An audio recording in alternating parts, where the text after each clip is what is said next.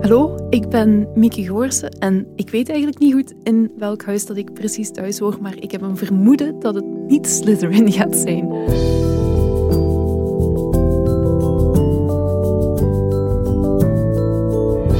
Hallo en welkom bij The Sorting Hat Revisited. Dankzij de Harry Potter reunie weet je al dat al die fanfics over Hermeline en Draco toch niet zo van de pot gerukt waren als gedacht.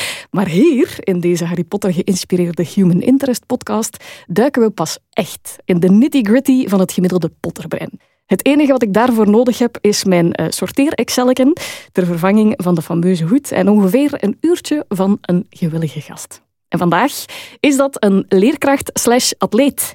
Eerder was ze al Belgisch kampioen lange afstand en veldlopen, maar ze werd in het geheugen gecatapulteerd, zelfs van een sportleek als ik, dankzij haar passage op de Olympische Zomerspelen in Tokio, waar ze 28ste eindigde op de marathon.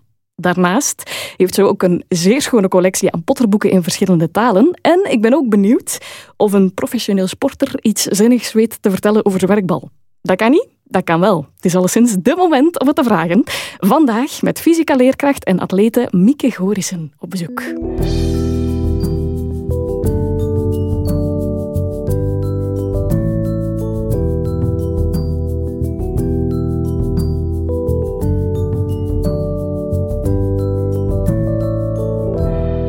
Mieke, welkom. Dank u. Ik ben ook uh, ja, zo'n beetje giddy dat ik hier Giddy? ben. Jij hebt mij weten te vertellen dat je vaak podcasts luistert tijdens het trainen. Ja. Eh, wat zit er meestal in jouw oren als je loopt? Goh, een vaste waarde is eh, de podcast van Lieve Scheire, Nerdland. Maandoverzicht. Daarnaast luister ik ook heel graag naar eh, Radiolab en This American Life. Voor de rest luister ik ook wel regelmatig naar podcasts over boeken die ik op dat moment aan het lezen ben of reeksen die ik op dat moment aan het kijken ben. Omdat, ja, dan probeer ik zo toch een beetje het achter de schermen gevoel wat te hebben. Dat ik ben zo iemand die zo graag net dat tikje meer weet dan hetgeen dat mij letterlijk wordt geserveerd. Maar dat is gewoon uit een soort rare curiositeit dan iets Ja, anders. Een nieuwsgierigheid sowieso. Ja, en als fysica-leerkracht is Nerdland eigenlijk ook een beetje professionele interesse in een zekere zin. Ja, ja, want eh, ik vind dat geweldig. En mijn leerlingen kenden dat niet. En dan heb ik dus daar gewoon in mijn klas dat intro-dingske gezongen. En ik zag die leerlingen zo kijken van, oh, help. Ja, ze hadden dan de intro al gehoord. En dan had ik gezegd van, ja, bijvoorbeeld, je hebt CRISPR, waar, waar Hetty Helsmoortel dan heel vaak over vertelt. En waar ze ook een boek over geschreven heeft. Dat is zo fascinerend. Dat is, dat is eigenlijk nog zo nieuw. En er is nog zoveel dat we er eigenlijk niet over weten. Maar er is al zoveel dat we wel al weten en kunnen en doen. En daar is ook een riedelke bij. En dan had ik dat ook gezongen. En toen was het eigenlijk helemaal van de dam. Interactief onderwijs is dat, hè? Dat is... eh, Goh, ja, het is misschien voor de leerlingen soms een beetje van, oh help. Maar langs de andere kant, als ze dan, wie weet, er later ooit aan terugdenken, en dan is het misschien iets dat sneller gaat terugkomen als ze zich daar zo'n bepaald soort herinnering... Ik kan me daar iets bij voorstellen. Ik weet, ik heb eh, zelf nu niet bijster lang voor de klas gestaan. Ik heb eh, ook een bachelordiploma in secundair onderwijs. Ik gaf geschiedenis. En eh, ik weet wel dat de verhalen bleven altijd wel het beste hangen. De feiten en de cijfers, en de, dat was snel weg. Maar de verhalen en vooral zo de, de, de gritty kant, de roddelsappige dingen, die blijven altijd veel beter hangen. Dus ik kan me voorstellen, dat riedeltje, dat zullen ze misschien nog wel kennen. En dan hopelijk komen ze inderdaad tot bij Nerdland terecht natuurlijk. Ah, wel ja, of wie weet gewoon ooit, als ze ergens ehm, in hun studies mee bezig zijn, ze zeggen van, och ja... Ik hoop natuurlijk dat allemaal wetenschappers worden. Dat is, dat is een utopie, dat weet Oh, ik zelf ook Kijk, wel. ja, ja, maar, Maar- je kan alleen maar hopen dat je impact hebt natuurlijk. Hè. Je hebt ook ehm, af en toe afleveringen geluisterd van The Sorting Hat Revisited Ja. eh, tijdens het lopen, waarvoor dank uiteraard. Hopelijk voelt dat niet als huiswerk, want je bent ook wel echt een Potter-fan natuurlijk. Oh ja, nee, nee, ik vond dat geweldig. Omdat eh, ik zat mij de hele tijd voor te stellen. Je zei, je zei het zelf net al van, ja, ik heb mijn, ik heb mijn rekenblad met daarin die vragen. En, en zeker nadat ik een paar afleveringen geluisterd had, had ik echt zo het gevoel van, nu zou ik toch wel eens willen weten welk algoritme dat daarachter zit. Ah, de om van- wetenschapper nu is gefascineerd. Oké, oké, ik Ja. kan nu mijn Excel tonen. Ehm, het is vooral een excuus natuurlijk om het te hebben over de psychologie en de sociologie van mensen en hoe dat zij in elkaar zitten. En daar plak je dan bepaalde huizen eh, aan vast. Maar je bent, ja, dat is dan de wetenschappelijke kant waarin dat je gefascineerd bent. Maar daarnaast ben je ook gewoon als lezer van, van het Harry Potter-universum. Hoeveel Ja. eh, verschillende versies van de Steen der Wijzen heb jij thuis liggen? Ik denk een tiental. Een tiental. En het is echt specifiek alleen de Steen der Wijzen. hè? waarom, waarom die ene? Goh, de Steen der Wijzen, ik heb die in het Engels, ik heb die in het Nederlands.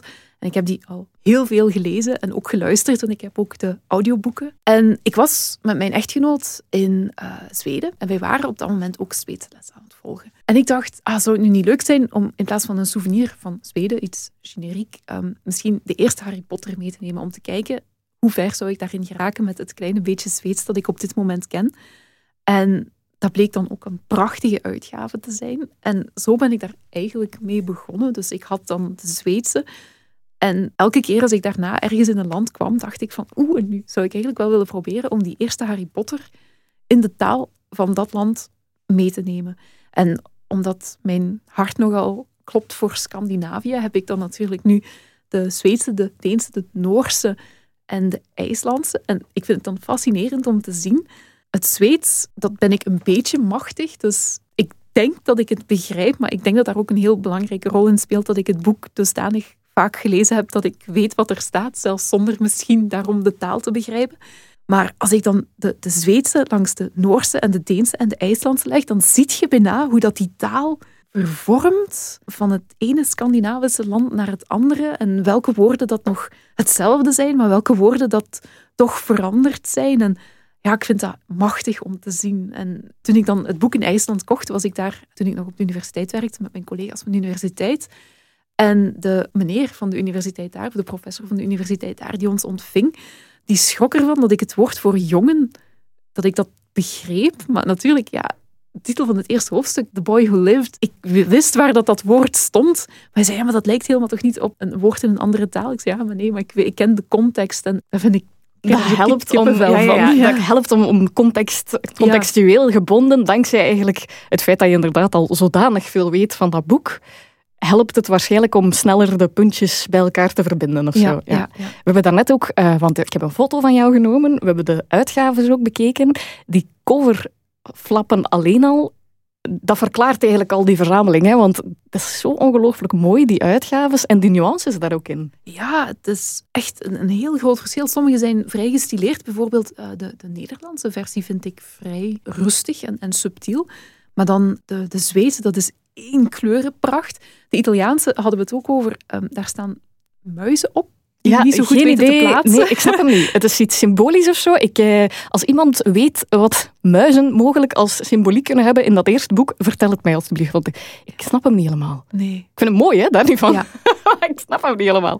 Je hebt het dus inderdaad over ja, een schone collectie, specifiek dan de Steen der Wijze. Eerder was hier ook al Thomas Rotier te gast. Die verzamelt niet enkel de eerste, die heeft gewoon Harry Potter in, in heel veel verschillende talen. Ik vind het fascinerend hoe Harry Potter een soort van ingeleide is om een bredere, zelfs internationale boekcollectie te starten. Ik vind dat wel iets tof of zo. Ik, eh, ik heb dat zelf nooit gedaan, maar nu snap ik wel ik begin de meerwaarde er wel van te snappen, want je, je, duikt er ook echt graag in dan, hè? Ja, en het leuke is, ik denk toen ik in Noorwegen was en, en daar de Noorse editie kocht, het meisje van de winkel dat mij hielp, sprak mij uiteraard eerst aan in het Noors, omdat ja, wie koopt er een Noors boek? Iemand die het Noors machtig is.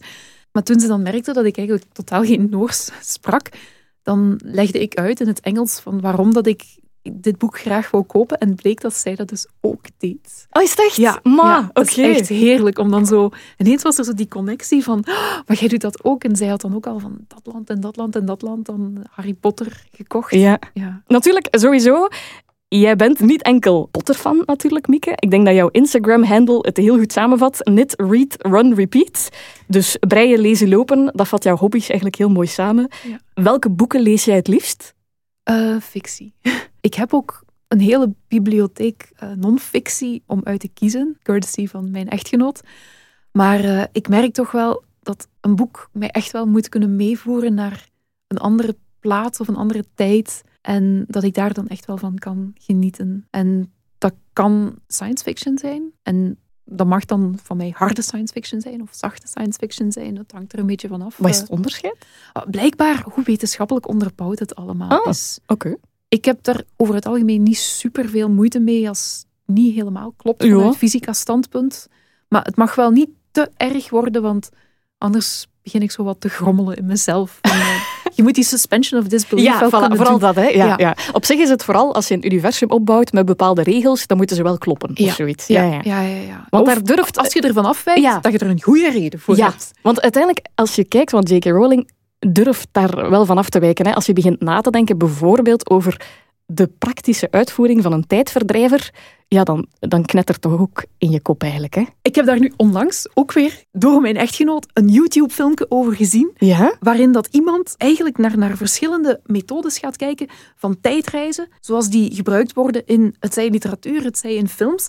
En wat de logica daarvan is, of hoe dat, dat klopt. En natuurlijk, ja, het type voorbeeld wat we kennen vanuit de films is dan Back to the Future. En dan Ja. zien we dat inderdaad het wijzigen van zaken in het verleden wel degelijk een impact heeft op het heden. Maar ook met die time turner, dat blijkt dus ook weer intern logisch consistent te zijn. En in de, films, Ja. in de films vind ik ook wel dat ze dat zeer mooi laten zien, omdat op een gegeven moment dan, dan schuilen zij in het bos en kijken ze naar zichzelf. Ja.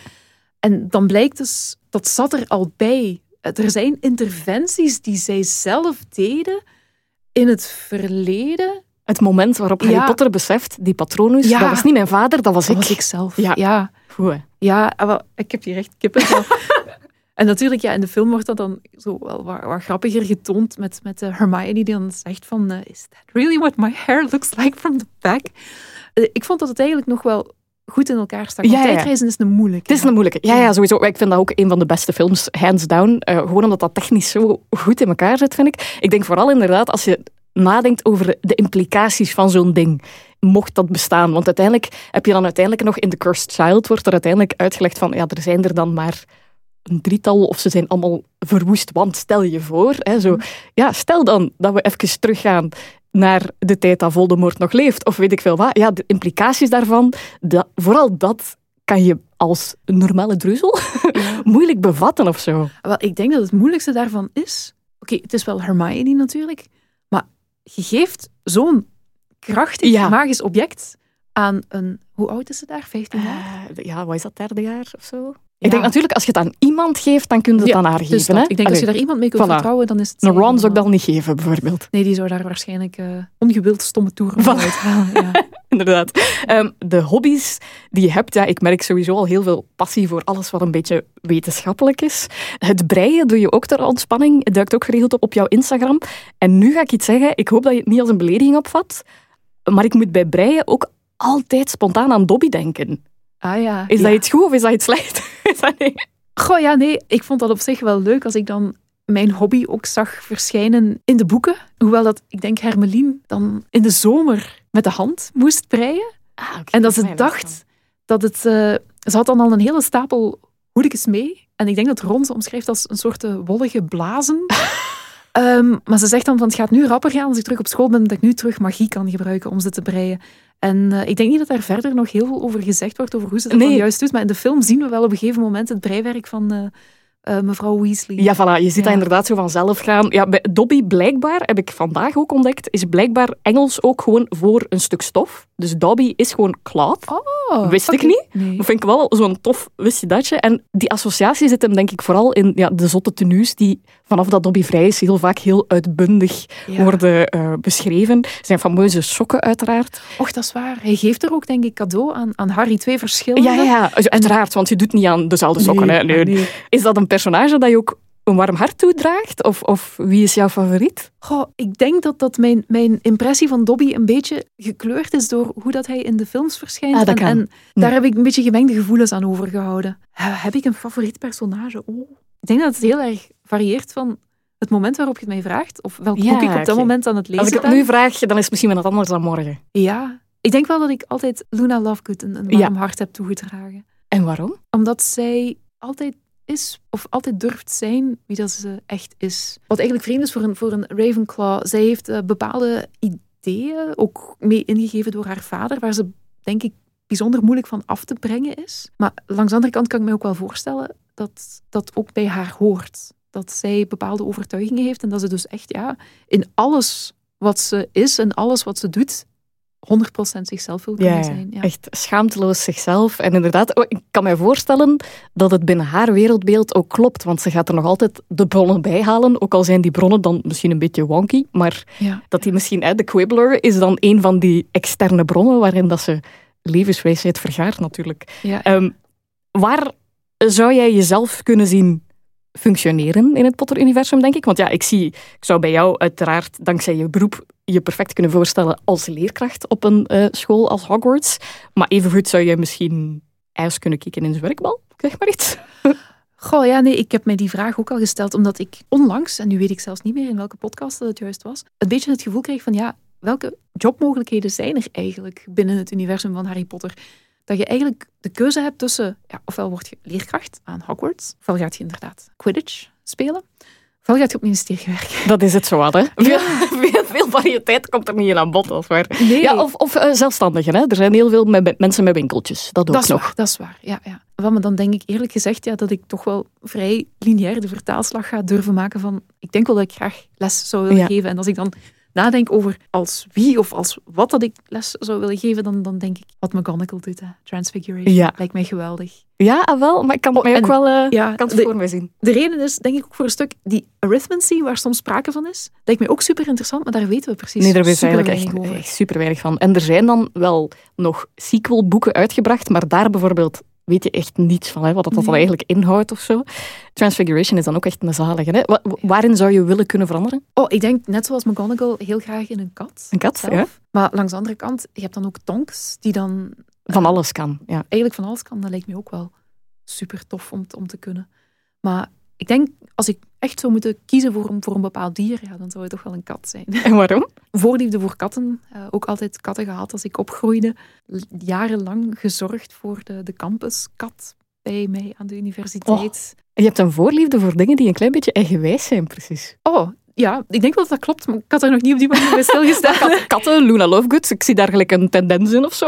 ja, ja, ja, ja, nee, maar inderdaad, ja, een kat is zeer slim en de katten die ik gekend heb, die zijn vaak zo slim dat ze eigenlijk niet willen laten blijken hoe slim dat ze eigenlijk zijn, omdat ze dan misschien dingen gaan moeten doen die ze liever niet zouden willen. Dus ze houden zich misschien met opzet wat van een domme. Jij bent uiteraard in het, uh, in het echte leven ben je een atlete. Eh, is dus werkbal zo'n fictieve sport die jou aanspreekt? Kan je daar iets bij voorstellen? Zou je dat willen of kunnen spelen, denk je? Ik denk wel dat ik het graag zou willen kunnen, maar uh, ik denk niet dat ik het zou kunnen kunnen. Want ik heb van mijn leven zoveel verschillende sporten gedaan. En, en dat is echt bijna een verhaal van twaalf stielen en dertien ongelukken. Ik heb als kind zwemles gehad. Ik heb op turnles gezeten. Ik heb op klassiek ballet gezeten. Gebasket een tijd lang. Maar ik merk gewoon, ik heb zeer weinig coördinatie. Dus van zodra dat ik meer dan één ding tegelijk moet doen, dan begint het vaak al fout te lopen. En bijvoorbeeld basket, dat is dan lopen met een bal. Wel, dat, die bal, dat is het aspect dat te, veel. te veel. Ja. Dus um, het feit dat, dat ik blijkbaar redelijk goed kan lopen, daar ben ik ook maar stoemelings op uitgekomen, omdat ik meer begon te lopen en dat er dan bij mij thuis in Diepenbeek een lokale loopwedstrijd georganiseerd werd, die voor de deur passeerde, waarvan ik zo het gevoel had van, ja, eigenlijk, je hebt nu toch al een tijd gelopen, systematisch. Probeer dat eens mee te doen. En toen werd ik tweede. Dat was eigenlijk een beetje voor mijzelf echt een verrassing, want ja, ik liep wel, maar ik had eigenlijk geen idee dat ik het ook nog een beetje kon. Ja, dat je er eigenlijk aanleg voor had, hè? want anders, anders ben je niet meteen gewoon tweede. Want eigenlijk zeg je van, ik ben niet sportief aangelegd, maar ik vind dat zo waanzinnig klinken. Dan is dat wel boomklets, tweede op een loopwedstrijd, stoemelings verder blijven doen en dan bijna per ongeluk op de Olympische Spelen belanden. Ik vind dat complete waanzin. Ja, maar ik ook. het, is, het is nu niet dat ik er niet voor getraind heb. Want nee, nee, nee. Ja, tuurlijk. uiteraard. Ja, want het is eigenlijk... De, de start is dan... Ja, maar ja, het, het feit dat dat allemaal gelukt is, dat is echt... Het is mij gewoon precies een beetje overkomen. Ik ben meer en meer gaan lopen. En dan uiteindelijk ook een, een 3,5 jaar geleden met meer structuur. Want daarvoor ja, ik zeg, ik had eerst een loopband, dat was heel fijn. Dan zette ik daarboven mijn laptopje en dan kon ik Netflixen terwijl ik liep. Dus ja, dat stoorde totaal niet. Als ik dan meer liep, ja, een aflevering aan het kijken was me goed. Hè. Maar dan, ja, die loopband is ook, ik weet niet hoe dikwijls gerepareerd. En dan uiteindelijk heeft hij um, finaal de geest gegeven. En dan ben ik buiten gaan lopen. Maar ik liep altijd hetzelfde toerke. 10 kilometer of zo. En altijd aan hetzelfde tempo. Deed daar niet, voor de rest niet veel mee. En dan ben ik uiteindelijk, ja, 3,5 jaar geleden Ehm, met meer structuur beginnen trainen. En het idee was van, je gaat daar sneller van worden. Ik zag dat precies zo zelf niet gebeuren, want als ik dan een wedstrijd meeliep voordat ik dat was echt dat was vijf of tien kilometer voluit. Maar dus als ik over de streep kwam, dan was de tank ook echt leeg. Dan kon ik omvallen van, van hoe op dat ik was. En de paar dagen daarna liep ik daar als een pinguïn. Dat klinkt herkenbaar. Ja. Want ik warmde niet op. Ik wist van niks. Ik denk dat dat het niveau is waar ik zit, inderdaad. Uh, maar ja, opnieuw, ik kan mij alleen maar voorstellen of voor een rollercoaster de voorbije jaren eigenlijk voor jou dan moeten geweest zijn. Hè? Want 2018 ben je gestart met competitie. In 2021 stond je op de Olympische Spelen. En daartussen zit dan eigenlijk nog altijd dat lesgeven, die andere hobby's. Wat heeft dat gedaan met jou, in jouw hoofd? Want dat moet toch echt iets surreëel zijn bijna. Dat is ook zo, omdat ik heb zo mijn, mijn accreditatie, zo, uh, mijn badge, zou ik zeggen, van, van in Tokio, bij mij thuis in de living op het preekbord hangen. Dat ik daar zo af en toe naar kan kijken en dat ik mij zo precies in de arm moet pitsen van... Dat is echt is, gebeurd. Het is echt gebeurd. Omdat, ja, sowieso is het voor mij redelijk snel gegaan. Ik heb mij in april gekwalificeerd mag ik zelfs niet zeggen. Ik heb in april de limiettijd gelopen, waardoor dat ik in aanmerking zou komen voor een kwalificatie. En uiteindelijk denk ik dat dat in mei of juni dan bevestigd is. Maar ja, ondertussen was ik gewoon nog les aan het geven. En ik ben mij eigenlijk maar echt goed te goed kunnen beginnen voorbereiden op die Olympische Spelen als het schooljaar wat afgerond was. Omdat ik het ook gewoon te belangrijk vond dat ik met die leerlingen dat schooljaar kon afmaken. Die hebben twee jaar Mee, ja het de verjaardag, hè? Ja, gegeven in, in omstandigheden die, die ik eigenlijk voor geen enkele tiener zou wensen. Ik wil nu niet zeggen dat ik vind dat mijn fysica nu zo belangrijk is dat als dat er tussenuit gevallen was, oh, dat kan niet, en dat is een hiaat in een opleiding.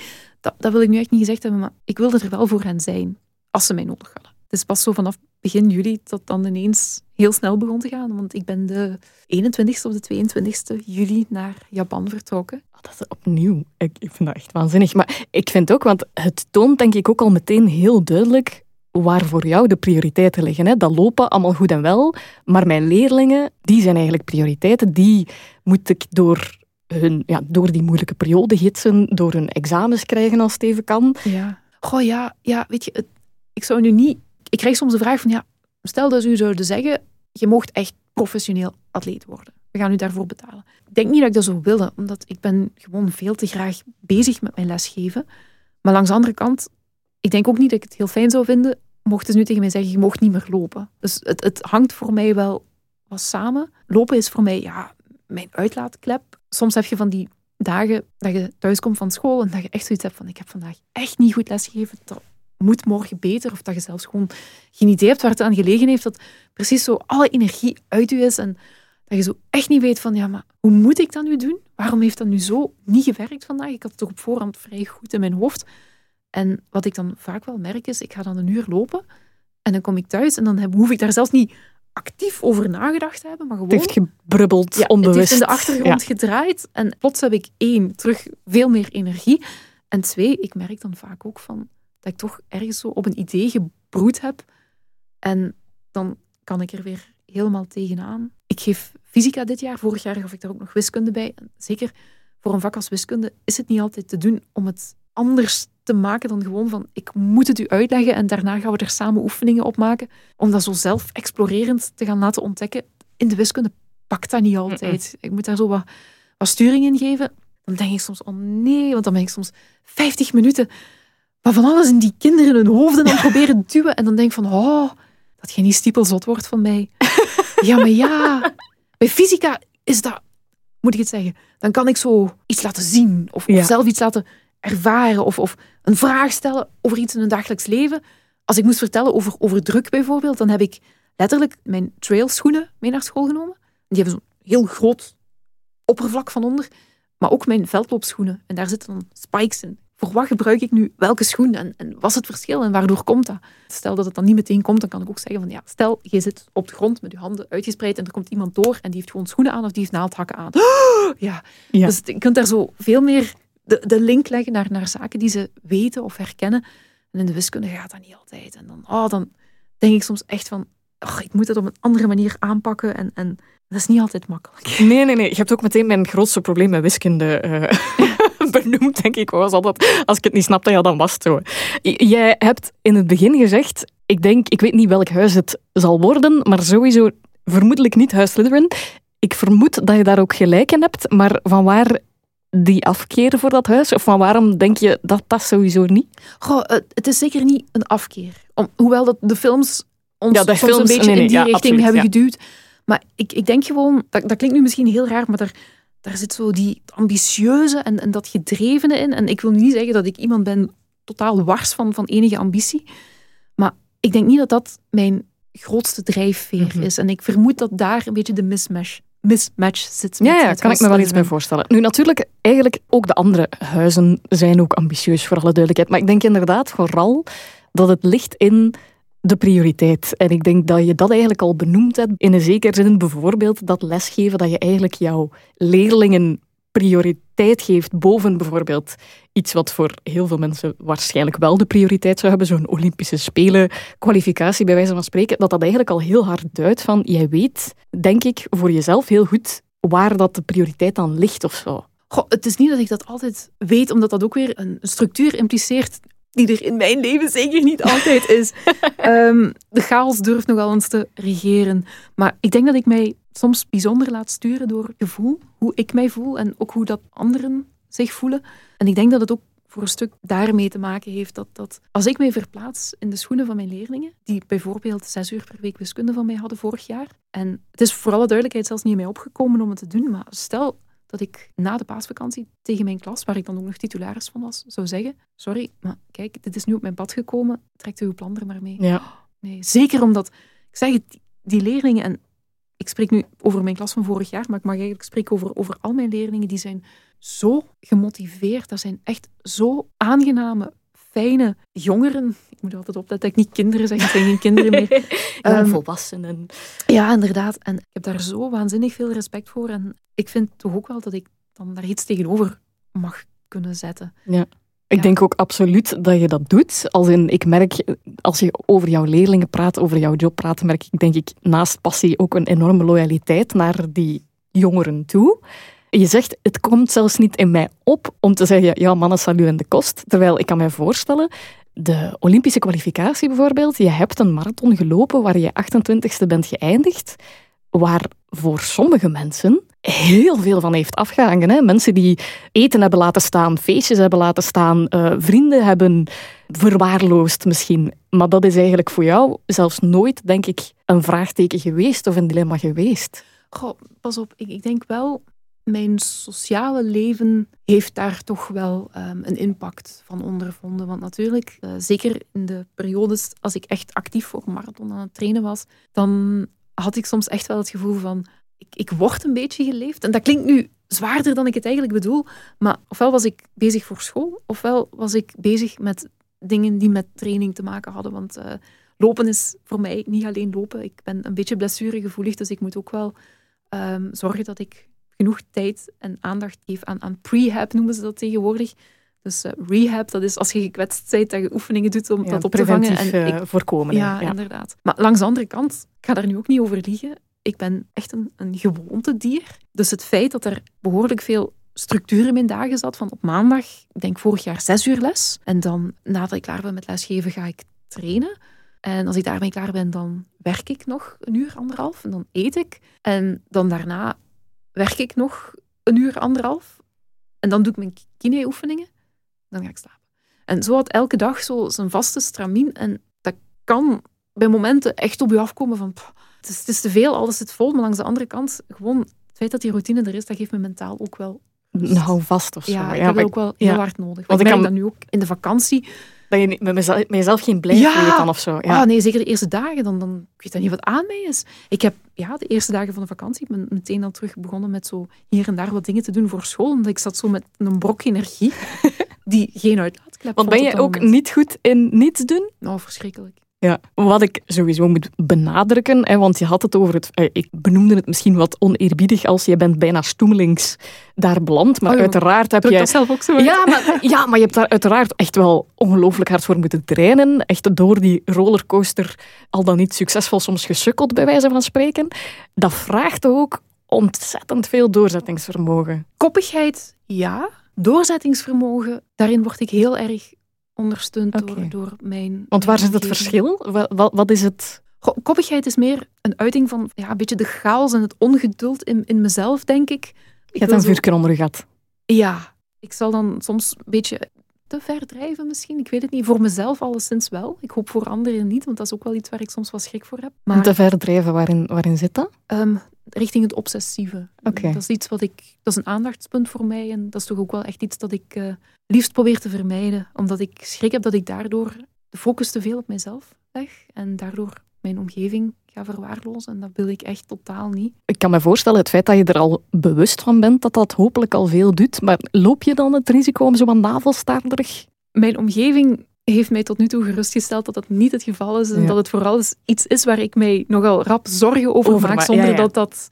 Echt het geval is. Ja, ja. Ik denk misschien het feit net dat je er zo van bewust bent, dat het misschien ook wel je ervan behoedt of zo. Ja, misschien wel. Maar toch, eh, liever dat ik er mij wat te veel van bewust ben en dat het daardoor dan niet tot uiting komt, dan dat ik denk van, wow, het, zal, het zal wel oké zijn en dat er dan toch een onevenwicht is ontstaan. Ja, ja. Oké, want koppigheid zal ik het dan maar benoemen, heb je dan in overvloed, denk ik. Hoe hard bijt jij jou in het algemeen vast in van die passion projects? Hangt er heel veel van af wat het is, denk ik. Want ik denk nu, met die, met die trainingen voor die, voor die marathon, dat ik die koppigheid niet had kunnen vasthouden, was het niet voor mijn entourage. En dan denk ik op uh, ja, mentaal en emotioneel vlak natuurlijk vooral aan, aan mijn veilige thuishaven.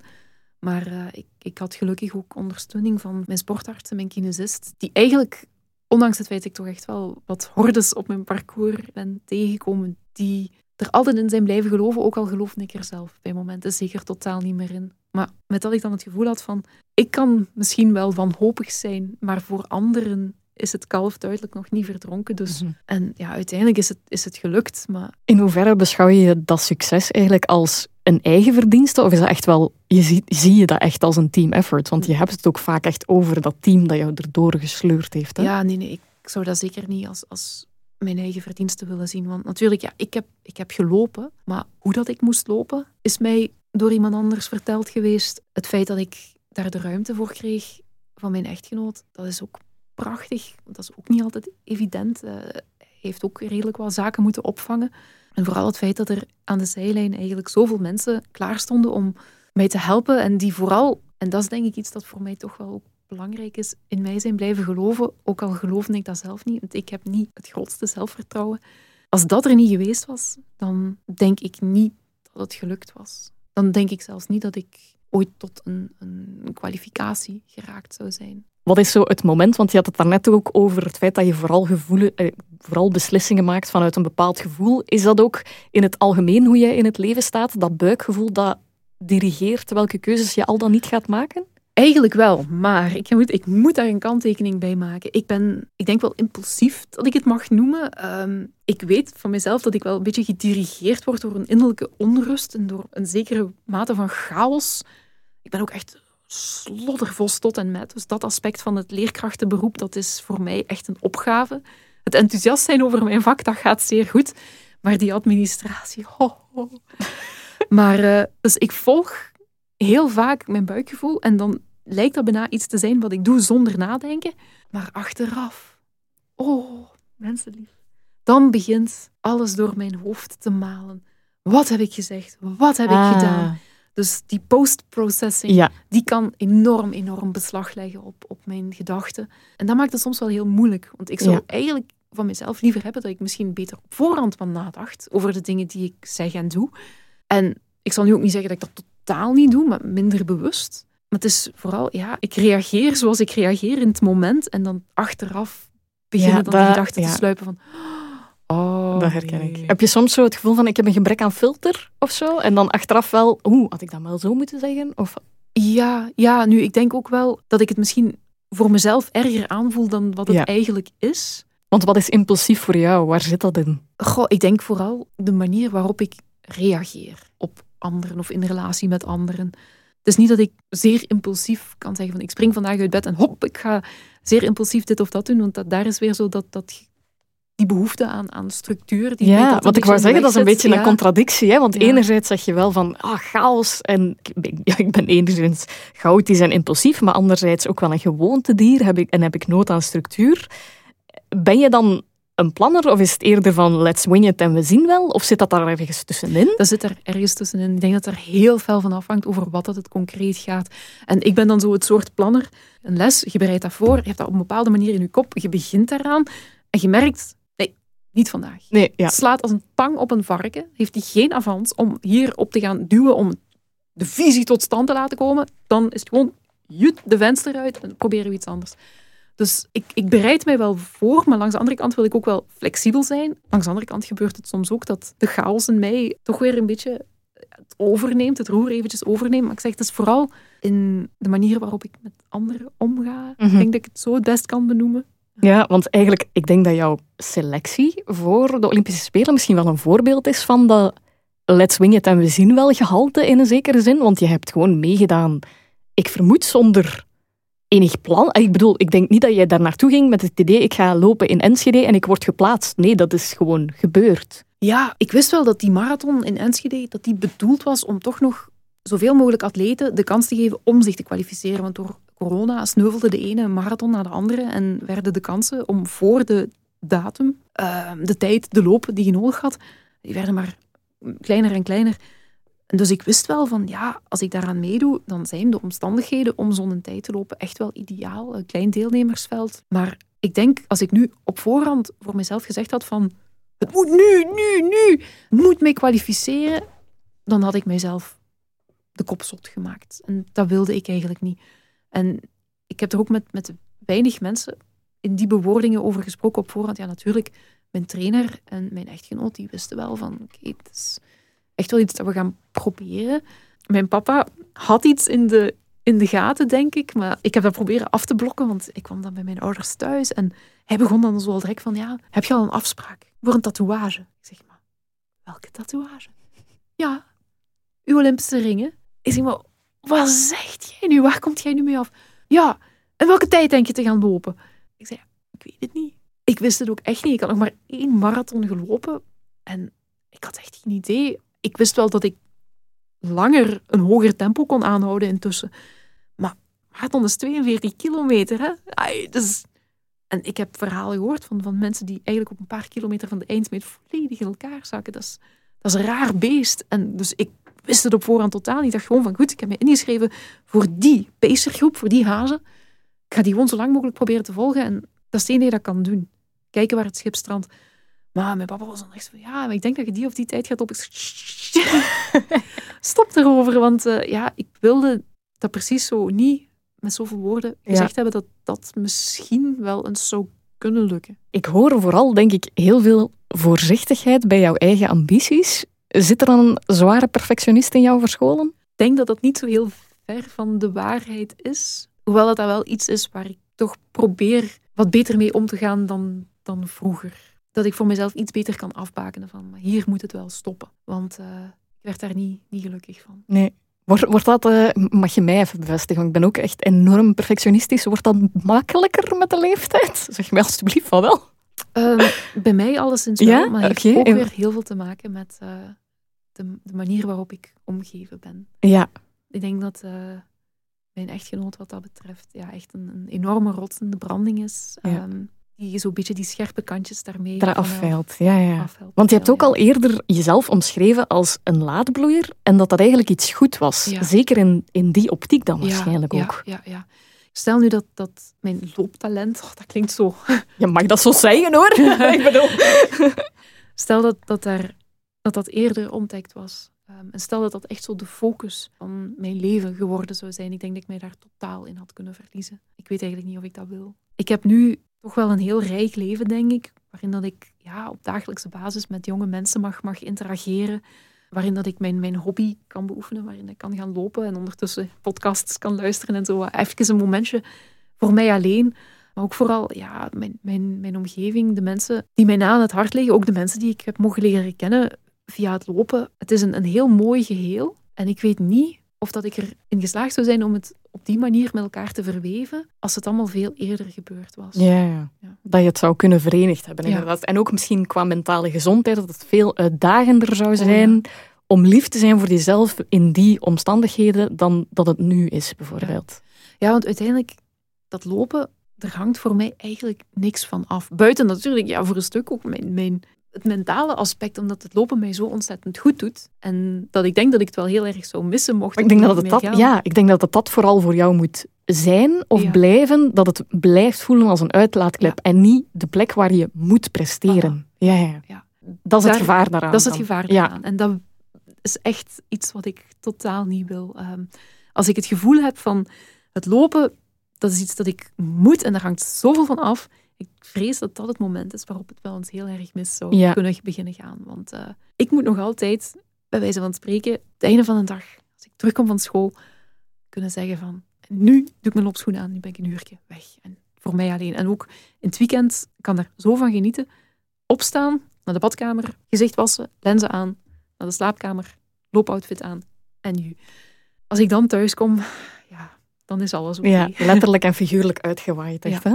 Je bent door jouw sportieve prestaties natuurlijk ook enigszins bekend figuur geworden. Is dat een neveneffect van die uit de hand gelopen hobby? Of hoe ga je daarmee om? Ik vrees dat ik daar niet zo heel goed mee omga, eerlijk gezegd. Want dat is, dat is voor mij zo buiten mijn comfortzone dat ik soms totaal niet weet wat ik daarmee moet aanvangen. Er komen dingen op mij af waarvan ik denk van, oh wauw, dat zou wel heel cool zijn. En toch is er zo altijd dat stemmetje in mijn hoofd dat zegt van, maar als je daar nu ja op zegt, dan gaat je dat bekend zijn alleen maar mee in stand houden. En is dat wel wat je wilt? Want dat is voor alle duidelijkheid niet iets wat ik ooit beoogd had of nagestreefd nee, nee, Ja.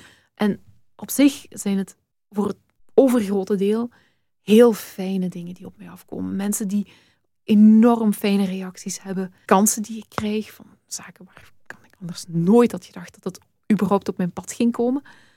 Maar ook daar weer, ik ben dan zo'n beetje ongerust, dat ik soms dan denk van ja, maar ik zeg dan iets en achteraf denk ik van ja, maar wat heb ik nu weer gezegd en wat gaat men, men, groot woord, daarvan denken of zeggen. En het, het jammere is, en dat is natuurlijk, natuurlijk echt mijn eigen schuld, heel af en toe, gelukkig, maar heel af en toe leest je iets over jezelf of hoort je iets over jezelf waarvan je schrikt, waarvan je denkt van oeh, is, is dat hoe iemand mij ziet ja. of percipieert? Ja. En eigenlijk zou ik moeten zeggen van Tampie. Niet gezien. Ja. Um, ik sluit me daarvan af, maar ik zit daar dan toch op te toppen. Ik vind dat wel moeilijk. Dus wat dat betreft was die anonimiteit soms wel rustgevender. Maar langs de andere kant, als ik nu in Diepenbeek ga trainen, oh, de mensen zijn allemaal zo positief. En ik krijg nog altijd mensen die dingen op mij roepen. Of, of ja, dat is kleinschaliger. En daar heb ik het dan makkelijker. Ja, ja. Dat, dat, die vertrouwde omgeving. Het is, het is ook niet dat er nu Olympisch atleet op jouw cv staat te blinken en dat jij rust hebt gevonden in jouw hoofd of zo. Maar dat is ook, denk ik, nog minder vanzelfsprekend geworden door die bekendheid misschien.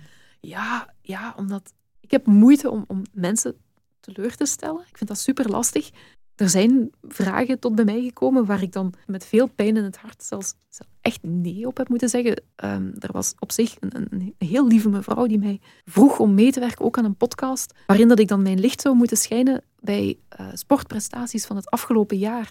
Maar dat is het ding juist. Ik ken daar niks van.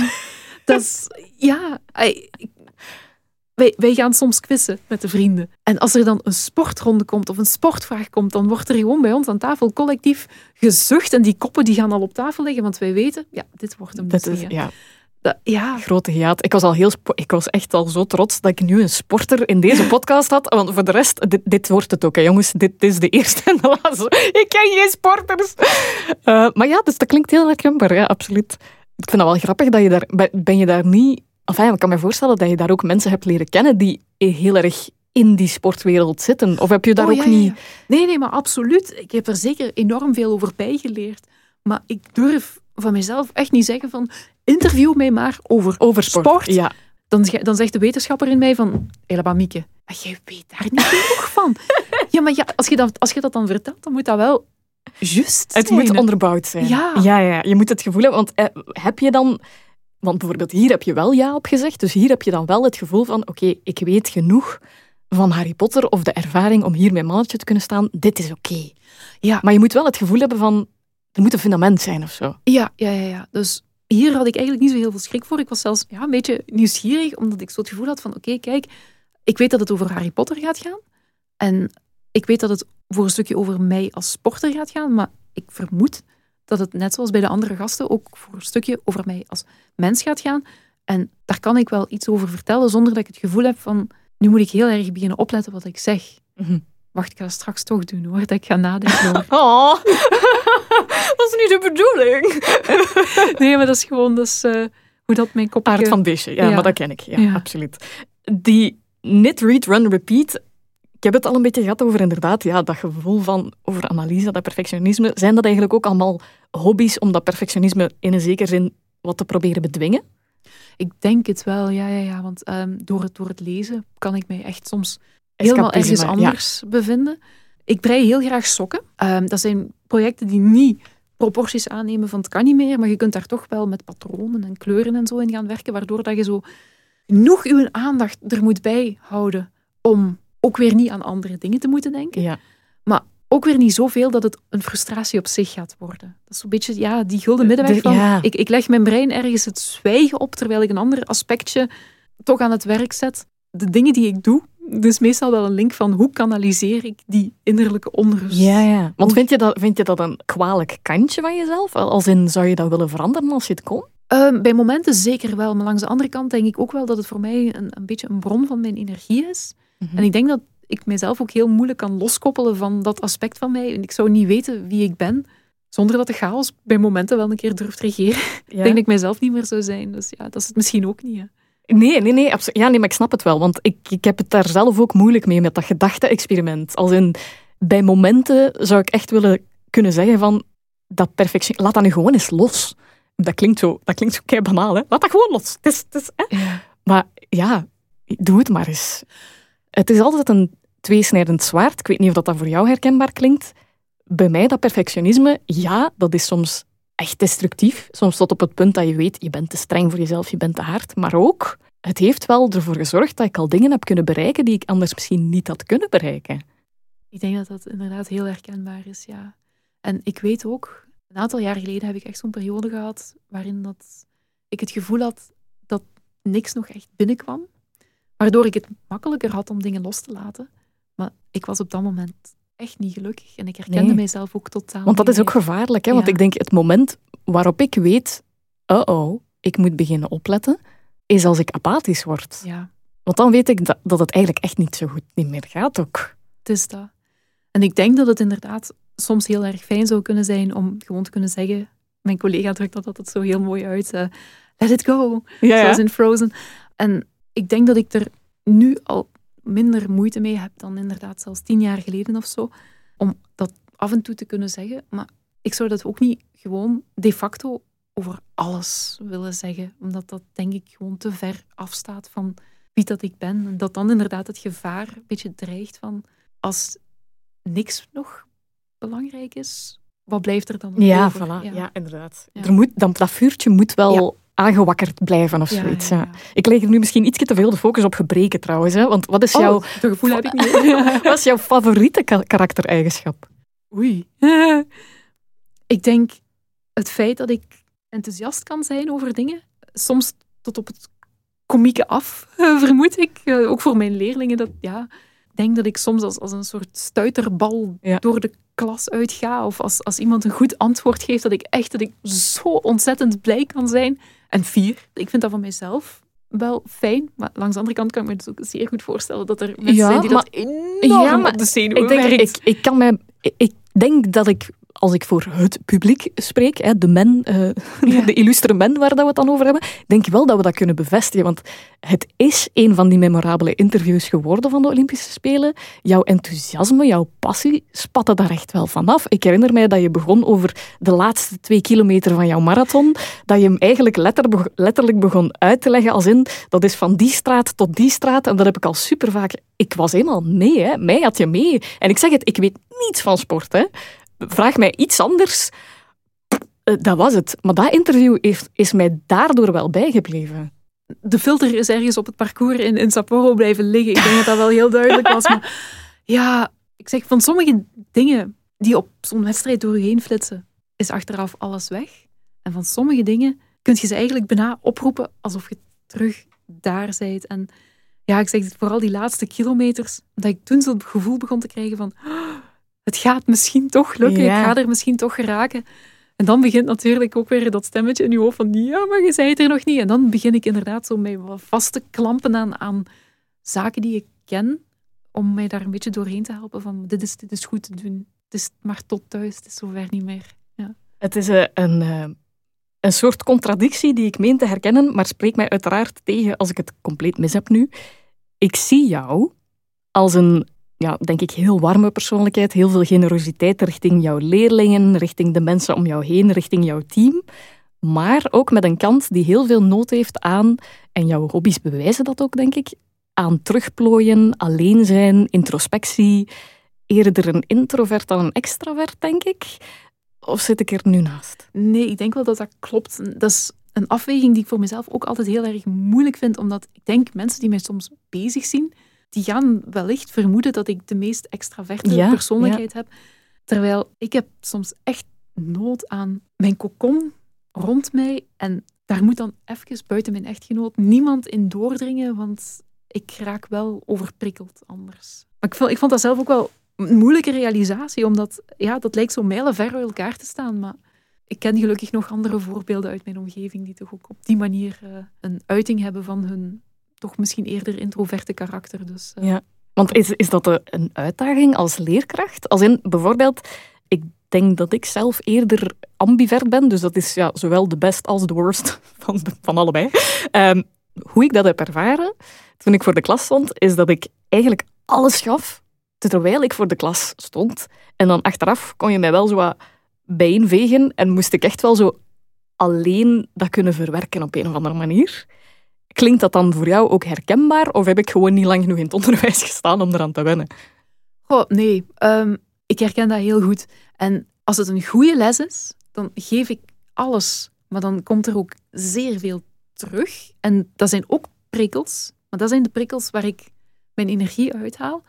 Maar ik heb soms helaas ook een les waarin dat het eenrichtingsverkeer lijkt te zijn. Dat zijn dan natuurlijk die lessen waar dan ik achteraf dan over denk van, maar hoe komt dat nu toch en hoe gaan we dat volgende keer aanpakken om, daar, uh, om dat niet te laten gebeuren.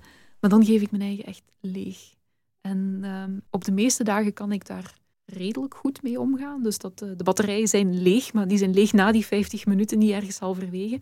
Maar dit jaar heb ik een lesrooster met op maandag 7 uur les.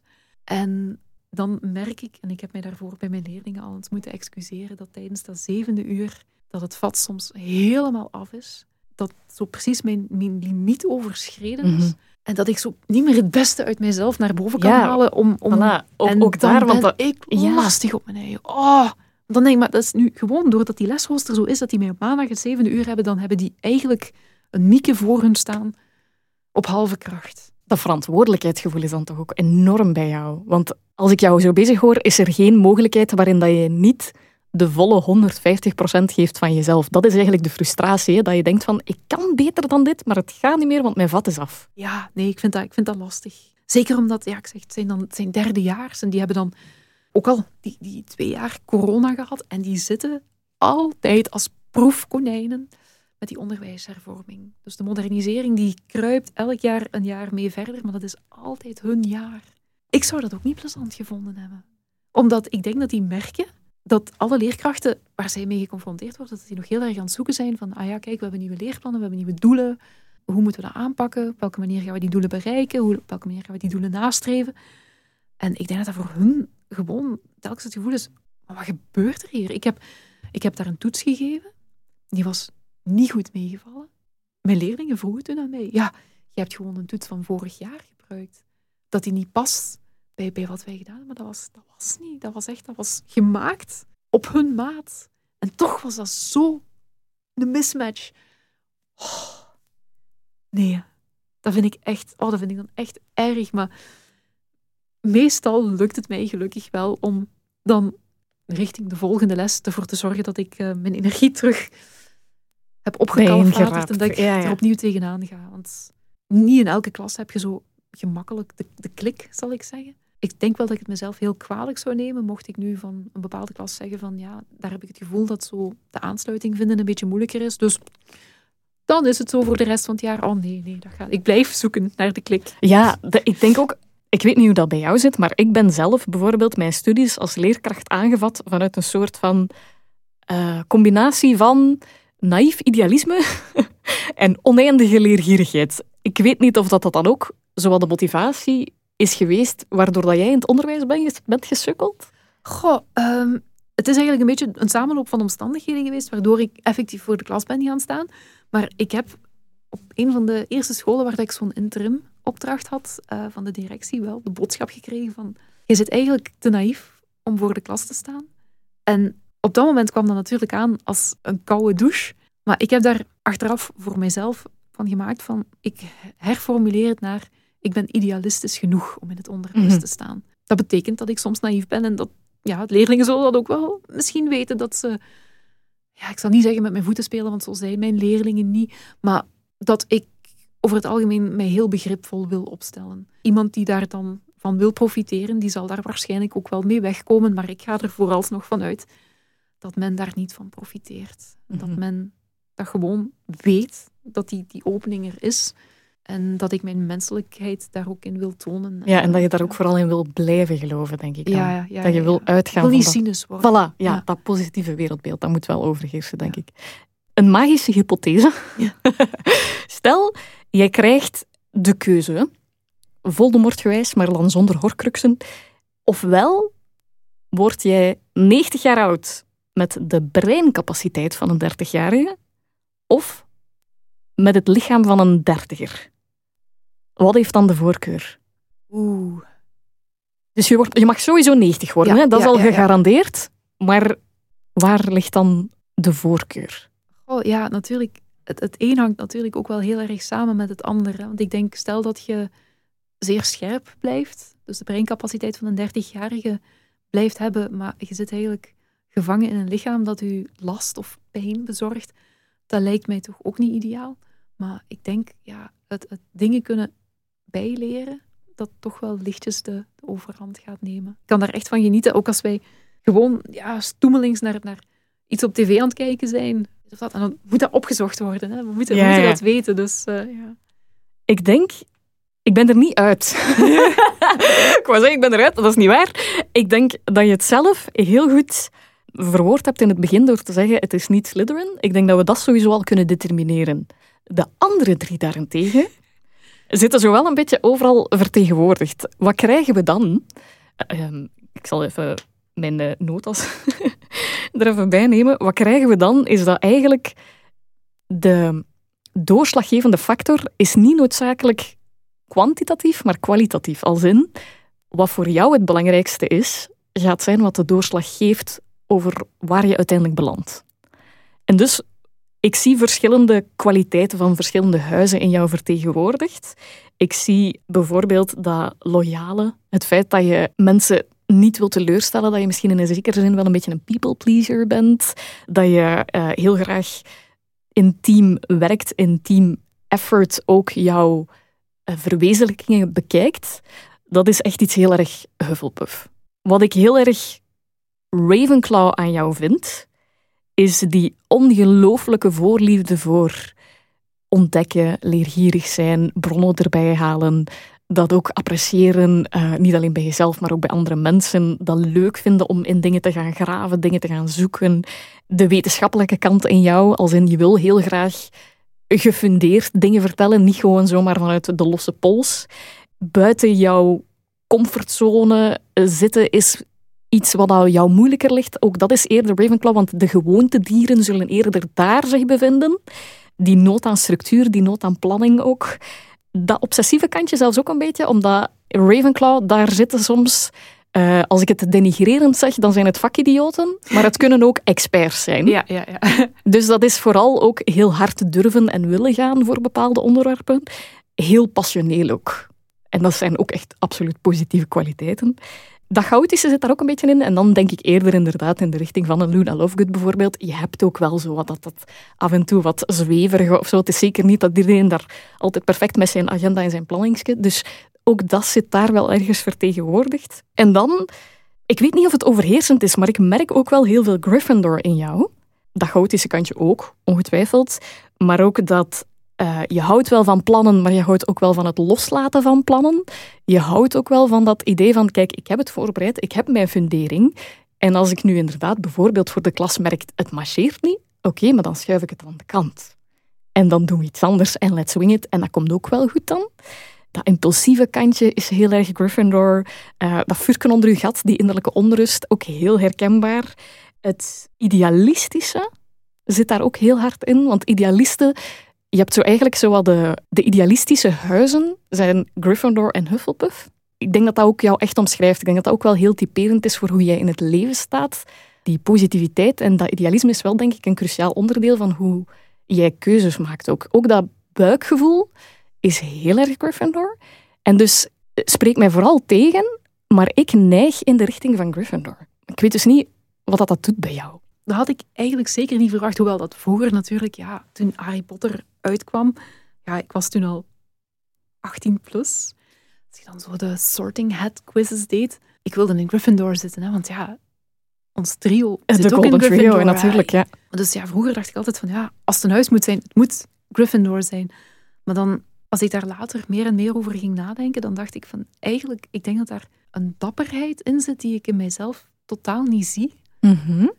En op basis van mijn studies en zo, dacht ik van, ja, dan zou het misschien toch eerder bij Ravenclaw aansluiten.